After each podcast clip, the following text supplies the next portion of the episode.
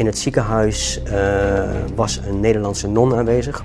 Oh no, waarbij, dat is aan mijn echt moeder is gemeld dat ik was overleden. Ik wil die viezigheid niet horen. Fue terrible para. En zij vertelde dus van dat ik dus echt uit mijn moeders armen ben gerukt. Echt huilen, schreeuwen. We hebben geen kinderen gekocht en verkocht. Ik zou me er rot voor geschaamd hebben. Kinderen zijn geen koopwaar. Van het eerste moment af aan had zuster Kuipers dus in haar hoofd... dit kind gaat naar Nederland. La cunita estaba vacía, no estaba la guagua. Kunt u garanderen dat die moeders altijd het ermee eens Por waren? ahí, es mi testigo. En dat zweer ik van harte.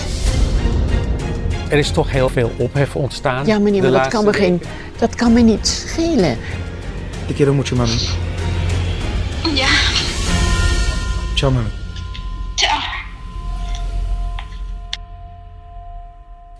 Tanja, koffie?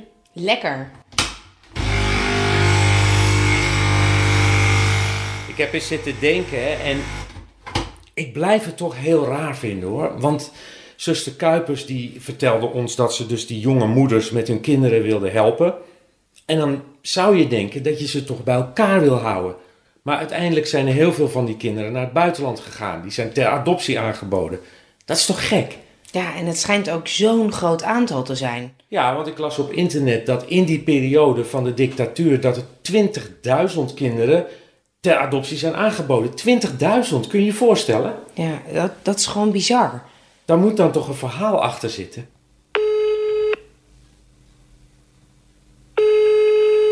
Goedemorgen, met Pablo Isla. Goedemorgen, meneer Monsalve. U spreekt eh, met Tanja Kok van het programma Hart van Nederland. Ik eh, ben op dit moment bezig met een podcast over adopties uit Chili. En ja, wij zijn eh, naarstig op zoek naar iemand die ons meer kan vertellen over de periode van de dictatuur in Chili. Heeft u tijd? Ja, zeker. Dat is eh, een, een thema van mijn, eh, mijn eh, onderzoek. Je luistert naar De Adoptienon, het verhaal dat nooit werd verteld. Een Hart van Nederland podcast gemaakt door Michael Monkau en Tanja Kok.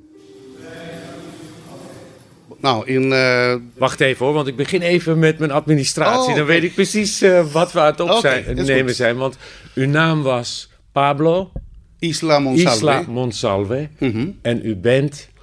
Ik ben docent van eh, het Instituut eh, voor Geschiedenis binnen de faculteit van eh, Geesteswetenschappen.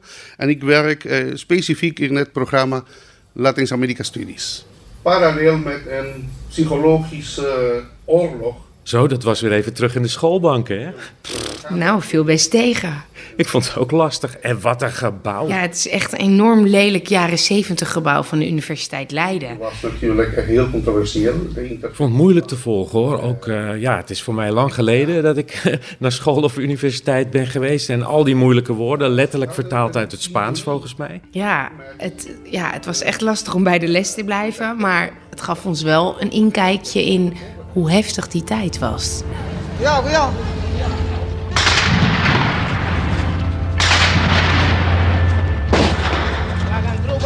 De interne controle was, was heel eh, effectief. Wat wij noemen in het Spaans cultura del terror. Altijd een gevoel van eh, bang of angst. Fuerzas Armadas y de Orden han actuado en el día de hoy solo bajo la inspiración patriótica Chili heeft zijn eigen 9-11. Die van 1973. Op die dag werd de democratisch gekozen linkse regering van Salvador Allende afgezet door het leger. Generaal Augusto Pinochet kreeg de absolute macht. De Verenigde Staten zorgden ervoor dat dit kon gebeuren. Amerika was namelijk bang voor nog een linkse regering in zijn achtertuin, naast Cuba. De vrijheid van meningsuiting werd behoorlijk ingeperkt en 130.000 Chilenen werden gearresteerd. Zo'n 3000 tegenstanders van het regime werden gedood of verdwenen onder verdachte omstandigheden. Het schrikbewind van de junta zou 17 jaar stand houden. Voor Pinochet draaide alles om de economie. Voor de arme mensen in het land werd bijna niets meer gedaan. Buitenlandse organisaties probeerden op dat gebied een beetje bij te springen. De programma's voor eh, arme kinderen bijvoorbeeld eh, hadden of kregen veel meer participatie van eh, privé-initiatieven. Bijvoorbeeld NGO's, religieuze organisaties. Ehm Gertrude Kuiper was precies een figuur in, in dat scenario.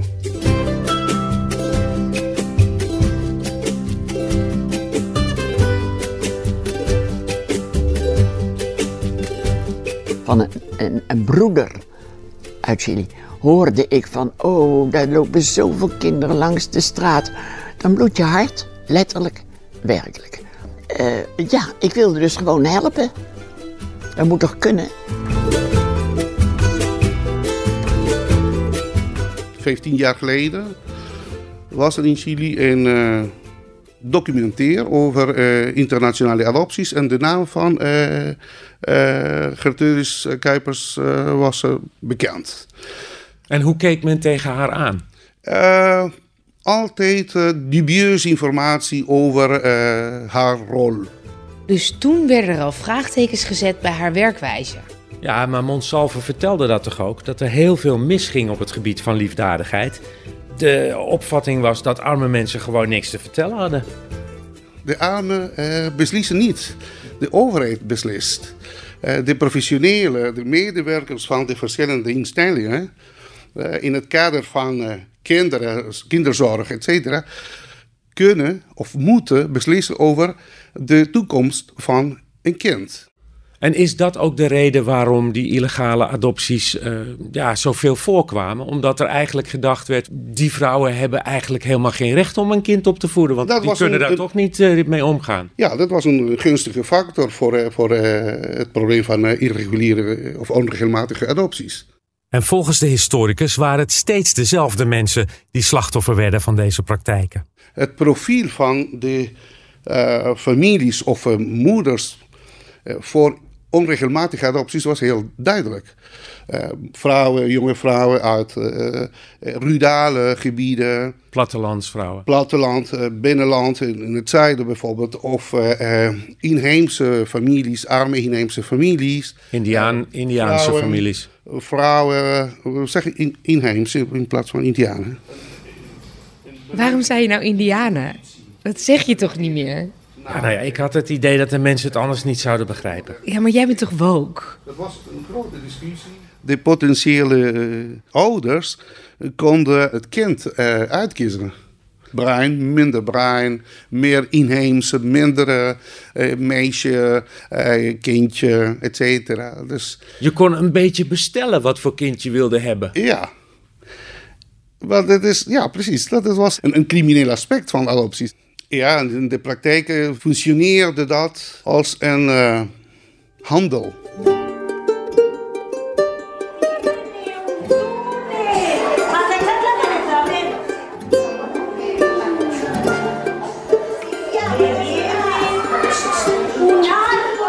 Dat geloof je toch niet?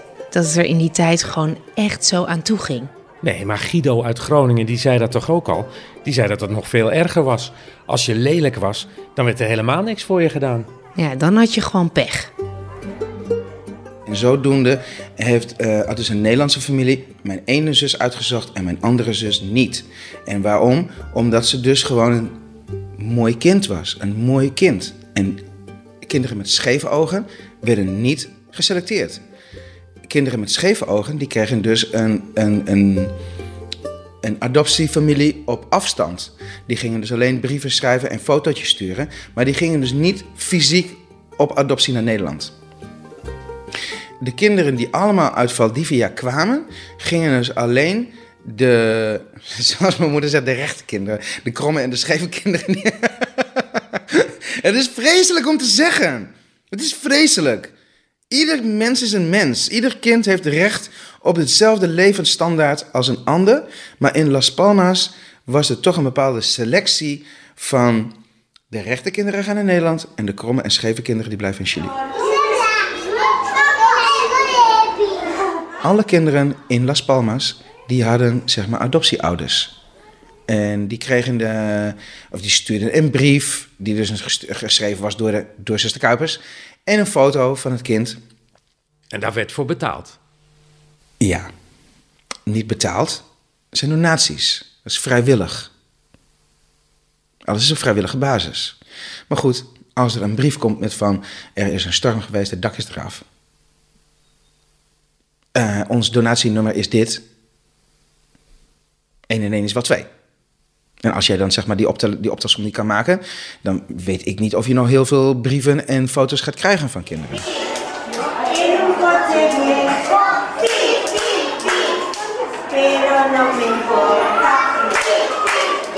Je moet je ook zeg maar zo voorstellen, de doelgroep is ook een christelijke midden- tot bovenklasse in Nederland. Dus die hebben het financieel, die zijn financieel gezond. Die hebben een christelijk oogpunt. Dus die willen de medemens helpen. Dus als jou een brief met een foto wordt voorgelegd met ehm, er is een storm geweest en er is een boom op Las Palmas drie gevallen. Wij hebben 10.000 gulden nodig. Dat zijn we nou aan het inzamelen. En ons rekeningnummer is dit en dit. Binnen no time zijn die 10.000 gulden binnen. Binnen no time. Hoe lucratief waren de adopties? Ja, is er veel geld verdiend, denkt u? Want wij hebben bijvoorbeeld Erma, Ermanita Gertrudis gesproken. Die zegt van nou, ik heb nooit een cent daaraan overgehouden, aan die adopties. We hebben geen kinderen gekocht en verkocht. Ik zou me er rot voor geschaamd hebben. Kinderen zijn geen koopwaar. Ons huis is een huis zonder geldelijke interesse.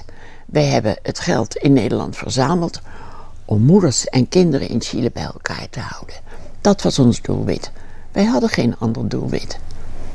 Ja, maar in de praktijk, eh, veel eh, onderzoeken hebben een schatting dat deze zaken eh, per kind had een kost, kunnen we zeggen, van tussen 6500 dollars tot 15.000 dollars per kind. En dan heeft u het niet alleen over de kosten, maar ook gewoon wat daar aan de strijkstok bleef hangen, wat ermee verdiend werd. Ja, ja maar de, de, de, de keten van de mensen die, die, die voor een adoptie moesten werken in die tijd. Rechters, eh, medewerkers, ambtenaren. Nou, dat betekent dat er gewoon heel veel mensen met één zaak bezig zijn. Al die mensen maken kosten. Al die mensen die zetten hier tijd in. Alle tijd moet betaald worden. Dus dat betekent dat er gigantisch grote geldstroom op gang komt bij iedere adoptie. Zuster Kuipers heeft hieraan verdiend. Dit was een verdienmodel. En hoe weten we dat? Omdat het gewoon met name na een bepaalde golf van adopties, en dat was eind jaren 70, begin jaren 80, dat er opeens auto's en, werden aangekocht. En niet voor Zuster Kuipers zelf, het waren dan transportbusjes voor werkers, voor moeders, voor kinderen. En er werden nieuwe panden aangekocht aan de kust, in de bergen, in het zuiden. Het werd opgeknapt, het werd vergroot, het werd uitgebreid. Er werden meer mensen in dienst genomen. De, uh, um, zelfs de kleding uh, en de materialen werden verbeterd. Alles werd verbeterd omdat er meer geld binnenkwam. Nou heeft zij ons verteld dat haar organisatie geen winstoogmerk had en dat er dus geen cent winst werd gemaakt. Geloof je dat? Ja. Ik geloof wel met volle overtuiging dat zij dit niet uit financiële overtuiging voor de uh, winstoogmerk vanuit haarzelf of voor haar organisatie heeft gedaan. Ik denk dat zij geld wou verdienen voor de organisatie. Ja? Om de organisatie te kunnen uitbreiden. Om het groter te kunnen maken. Om meer kinderen tussen aanhalingstekens te kunnen helpen. Om meer kinderen naar Nederland te kunnen brengen. Dus ik geloof niet dat zij dit vanuit een, oog, uh, van een winstoogmerk voor zichzelf heeft gedaan. Echt niet. Daar ben ik nog steeds van overtuigd dat ze dat niet voor zichzelf deed, maar voor haar overtuiging. Dat het dus haar overtuiging was dat alles wat zij deed goed was. Ik denk dat zij zo zwart-wit dacht. Dat maakt het ook heel ingewikkeld, hè? Hm. ja, ja. Want wat is nou goed en wat is nou slecht?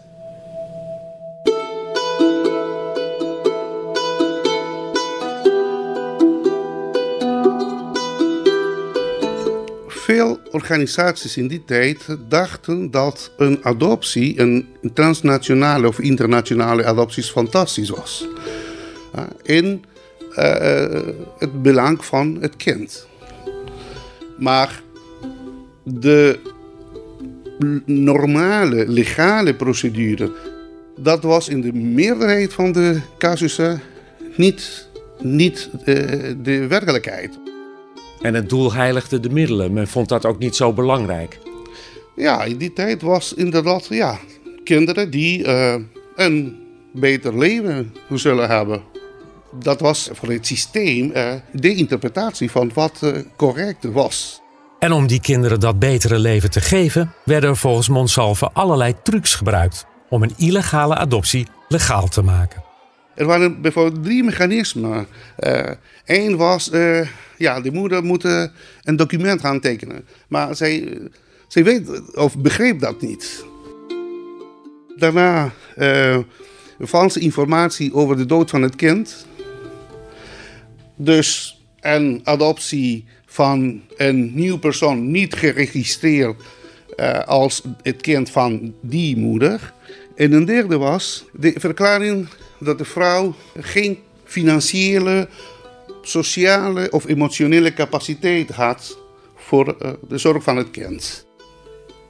Ik kon er natuurlijk niet onderuit om ook deze aspecten ter sprake te brengen in dat gesprek met zuster Kuipers. Maar het was wel moeilijk, hè? want je, je, je merkte echt hoe het haar stak, hè? dat ze in verband werd gebracht met dit soort praktijken. Ja, en ze sloeg zelfs een kruis om maar haar onschuld te benadrukken. En ze keek ons steeds ook heel indringend aan met haar felblauwe ogen.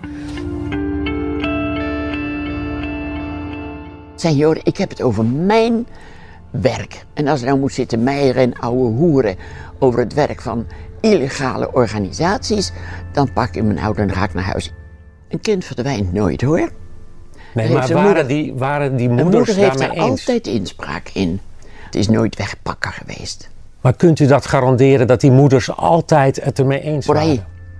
Dios es mi testigo. En dat zweer ik van harte. Hoe kan het dan dat er zoveel mensen zijn die uh, u zien als de persoon die betrokken is geweest bij veel onrechtmatige adopties? Dat is fantasie, senor. Dat is niet waar. Dat zijn mensen die zijn opgejut of aangezwaaid. Ik begin nu zelfs iets anders te denken. Er waren mensen die illegaal naar Nederland kinderen hebben geadopteerd. En zonder ze te kennen, vermoed ik dat er inderdaad koop en verkoop bij is geweest. Want dat kun je heel makkelijk voor elkaar krijgen. En dat hebben we juist precies niet gedaan. Ik denk dat deze groep mensen nu eigenlijk door de commissie Joustra of zo een beetje op de hielen is gezeten. En nu ook in Chile bij de rechterlijke macht onder de loep ligt. Zoals ik ook, onverdiend. Nou denk ik dat deze mensen proberen om onder de radar vandaan te blijven door naar mij te wijzen.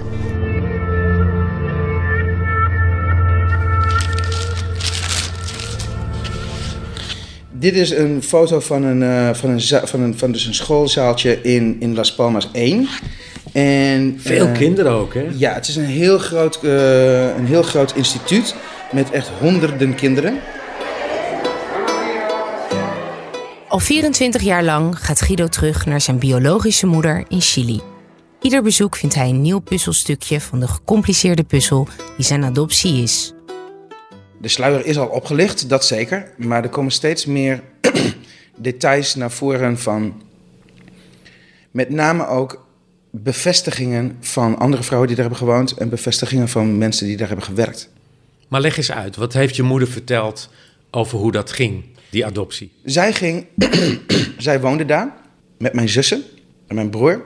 En ik was de vijfde. En wat ik dus um, heb begrepen, is dus vanaf het moment van zwangerschap, dus dat zij als met vijfde kind terugging naar Las Palmas, waar ze dus eerder ook al had gewoond. Met mij in de buik ging ze dus terug naar Las Palmas. En vanaf het eerste moment af aan had zuster Kuipers dus in haar hoofd: dit kind gaat naar Nederland. Nou heeft uh, zuster Kuipers tegen ons gezegd: al die moeders gaven toestemming. Allemaal, stuk voor stuk. Er is niet één moeder geweest die onvrijwillig haar kind heeft afgestaan. Hoe is dat bij jouw moeder dan gegaan? Want er moeten toch ook handtekeningen zijn gezet? Hoe kan een persoon die in God gelooft zulke zulke leugens vertellen. Wij snappen niet hoe zij het over haar hart kan verkrijgen. Om dit soort leugens te vertellen over de levens van mensen. Als, en de enige verklaring die, die wij daarvoor hebben, dat is de superioriteit. Dat zij denkt van, ondanks wat alles en iedereen zegt, ik weet het beter. Wat mijn Nederlandse adoptiefamilie hier, heeft hier in Nederland, is allemaal opgesteld door de Chileense notaris en ondertekend door meerdere mensen, maar niet door mijn moeder. Niet. Oké, okay, de linkerhand, je mag lekker hoog. Ja, mag je gelijk even reageren. Twee. Goed zo. Maak hem maar lekker lang. Drie. Juist. Ook bij de adoptie van Francisco, die personal trainer is in Groningen, zou het een en ander zijn misgegaan. Zuster Kuipers zou het bestaan van zijn zus voor hem en voor zijn Nederlandse adoptieouders hebben verzwegen. Even kijken, ja, dan moet ik echt teruggaan in de tijd. Ze, had toen tegen mijn uh, familie verteld in ieder geval dat, er, uh, dat ik de tweede was. Maar er was nog een zusje, of een oudere zus. En uh, zij woont ook gewoon in Nederland. En dat had, dat had niet gemogen eigenlijk volgens de wet. Dat ik een, een andere gezin werd geplaatst. Ehm, wij moesten bij elkaar blijven volgens het BIA. Daar hebben we toen vragen over gesteld. En zijn we erachter gekomen dat zij gewoon uh, ja, niet de waarheid had verteld. En dat uh, had gelogen. En uh, ja, toen keken we daar een beetje raar van op. Want wat had zij verteld? wat ze had verteld is dat wij...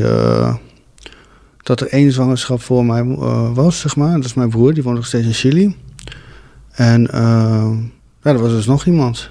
Nog mijn zus, een oudere zus. En daar zijn we per toeval achtergekomen door het vertalen van ziekenhuispapieren. En uh, dat werd ze eerst ontkend. En later heeft ze het toch verteld. Toen ze, ze gezegd, nou, ik wil het niet meer graf innemen. En uh, er is nog iemand, er is nog een meisje, of een oudere zus. Hoe oud was je toen uh, dat duidelijk werd? 24, volgens mij. 3 of 24, ja.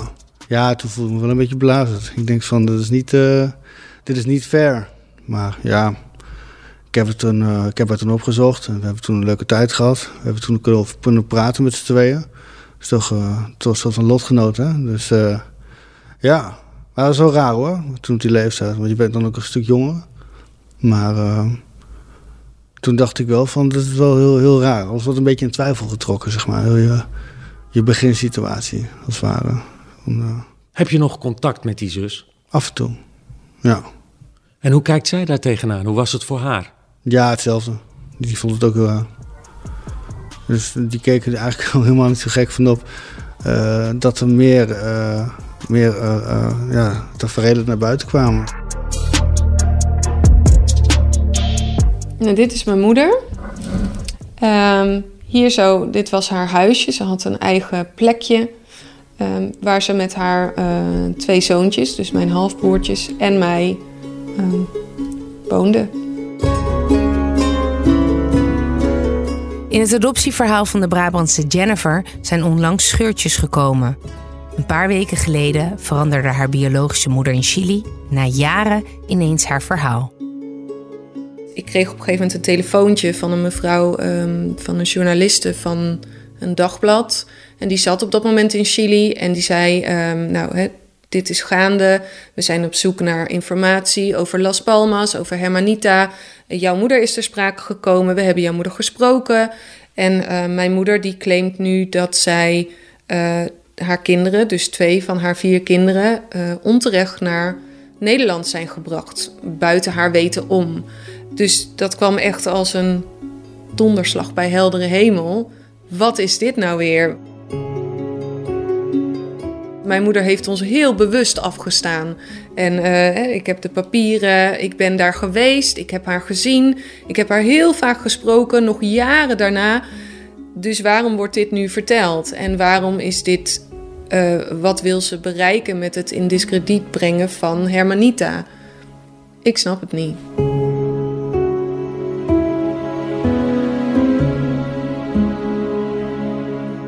Maar dat moet heel raar zijn voor jou, want daarvoor heb je waarschijnlijk ook al met je moeder gesproken over het feit dat je bent afgestaan en waarom dat is geweest. Wat zei ze daar voorheen dan over? Ehm, dat ze mij ehm, niet op kon voeden omdat ze het financieel niet goed had en omdat er geen vader in het spel was.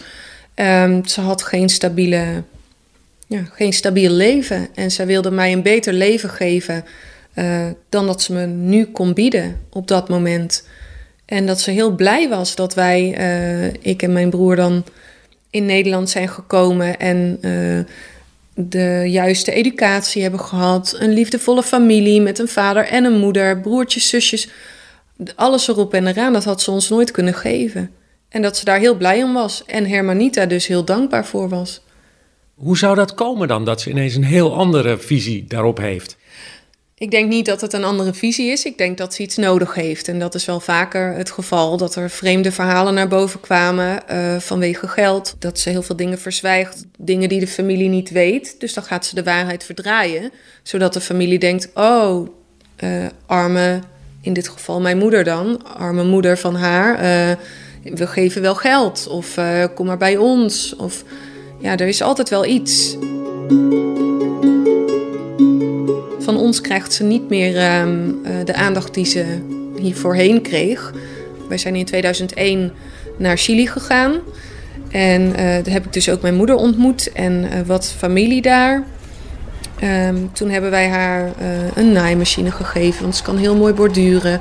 Een karretje waarmee ze dus de markt op kan om haar eigen spullen te verkopen. Want er werd ons verteld, als je ze geld geeft, ja, dan denken ze dat is lekker makkelijk. Um, maar als je de spullen geeft om mee te werken, kan ze zelf verder hè, dat uitbouwen. Um, dat hebben wij gedaan en later hoorden we dat ze alles heel snel alweer had verkocht voor geld.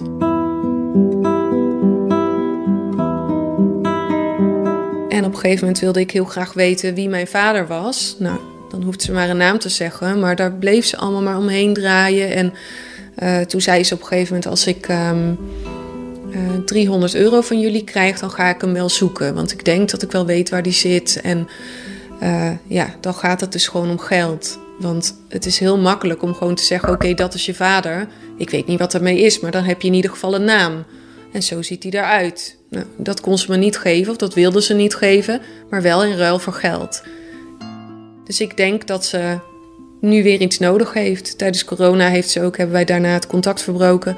Met corona kreeg we ook allemaal zielige mailtjes. Ze lag in het ziekenhuis en bij een ander vertelde ze weer een ander verhaal. Dus waar gaat het dan om?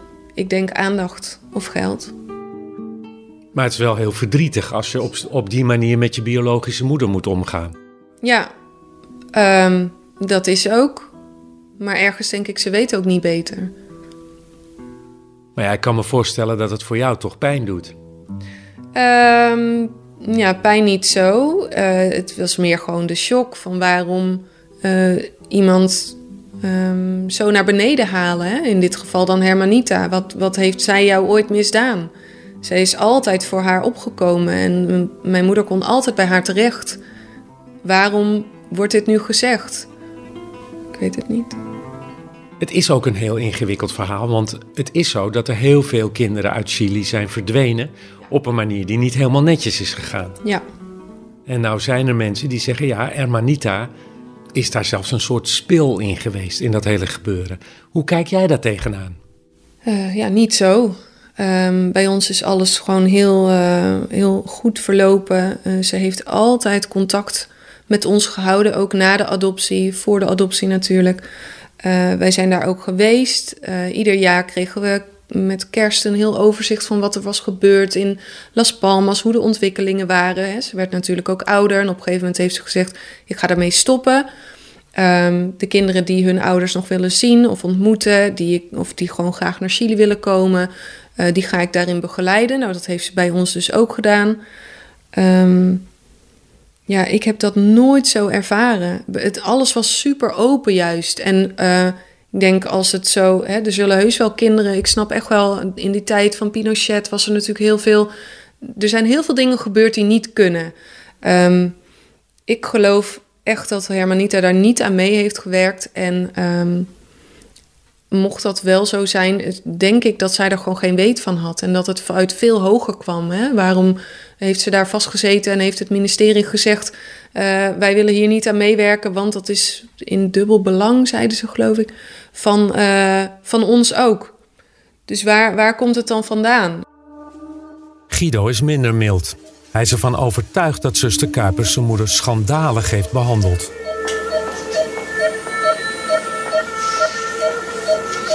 Op het moment van geboorte waren er, ik weet niet precies wat voor complicaties, maar er waren wat lichte complicaties, waardoor ze uh, niet uh, in het kinderthuis kon bevallen, maar moesten dus naar het ziekenhuis.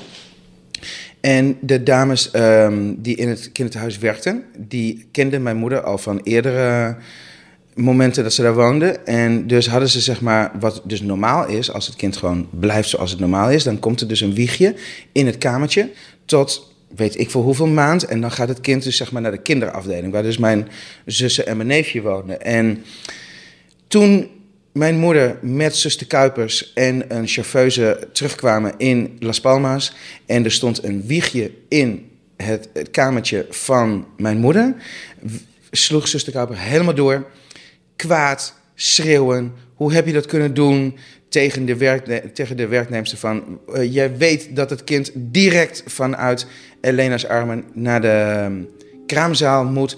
om de band niet te ontwikkelen. Dat is wat je moeder jou verteld heeft? Ja, en dat is bevestigd door de, een van die vrouwen die daar heeft gewerkt. Wat doet dat jou als je dit soort dingen hoort? Dit is nog maar het begin. Zij vertelde dus van dat ik dus echt uit mijn moeders armen ben gerukt. Echt huilen, schreeuwen.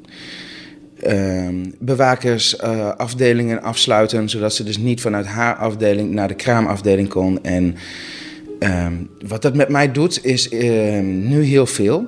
Maar wat mij eigenlijk nog meer doet, is dus dat zeg maar... Mijn moeder mocht mij de borst geven. Maar dat mocht dus eigenlijk niet van zuster Kuipers, maar dus de dames die dus werkten op de kraamafdeling, die vonden dat zo zielig dat ze haar over het hek lieten klimmen. En mij dus s'nachts, als de beveiliging er niet was, mij lieten uh, de borst drinken. En dus dat um, doet dus heel veel met een baby en met een moeder. Um, ook de band die verbroken wordt, schijnt dus ook een, onstel, een onherstelbare band te zijn. Het is met couveuse baby's, dat ze zeggen ook van de eerste maanden moet je gewoon de warmte en je liefde van je moeder voelen. En als je dat niet voelt, denk ik dat het wel iets met een persoonlijkheid doet. Wat het met mijn moeder heeft gedaan, nou dat heeft haar natuurlijk gewoon gebroken. In de derde aflevering van de Adoptienon komt Guido's moeder Helena zelf aan het woord. Emotioneel vertelt ze haar zoon voor het eerst in detail hoe hij als baby van haar zou zijn gestolen. Toen ik de zaal inkwam, was het wiegje leeg. Mijn baby was verdwenen. Zo is het gegaan. Ook reageert Jennifer op de plotselinge dood van zuster Kuipers. Zij is de reden dat ik hier ben. Als zij er niet was geweest, dan was ik hier ook niet gezeten. En dan hadden mijn ouders nooit een kindje kunnen krijgen. Zij heeft alles geregeld. En ik ben haar zeker dankbaar. En dat heb ik ook vaak gezegd als ik haar sprak. De dood van zuster Kuipers, zo kort na het lange gesprek dat we met haar voerden, kwam ook voor ons als een grote schok. Na het televisie-item in Hart van Nederland reageerde ze teleurgesteld. Ze had het gevoel dat haar kant van het verhaal onderbelicht was. Het item op tv duurde namelijk maar drie minuten, een lengte die heel gebruikelijk is voor een nieuwsitem. In de mail die zuster Kuipers ons naar aanleiding van het item stuurde, liet ze weten dat ze het op prijs stelde als haar hele interview uitgezonden zou kunnen worden. Met deze podcast proberen we hier gehoor aan te geven. Wel vinden we het belangrijk om de mensen over wie zuster Kuipers spreekt ook een stem te geven. De Adoptienon is een Hart van Nederland podcast, gemaakt door Michael Monkau en Tanja Kok. Productie Daniel Bom en Jeffrey Hogeboom. Online redactie Erik Morsink. Vormgeving Dominique Hoekstra en Femke Goudriaan. Eindredactie Irene Jansen met medewerking van Elin Stil. Wil je meer weten over de serie? Ga voor foto's en achtergrondinformatie naar hartvannederland.nl. Vergeet je niet te abonneren. Hart van Nederland heeft meer podcasts, zoals Vrouwenmoord over femicide en Bloedband, waarin familieleden van daders aan het woord komen.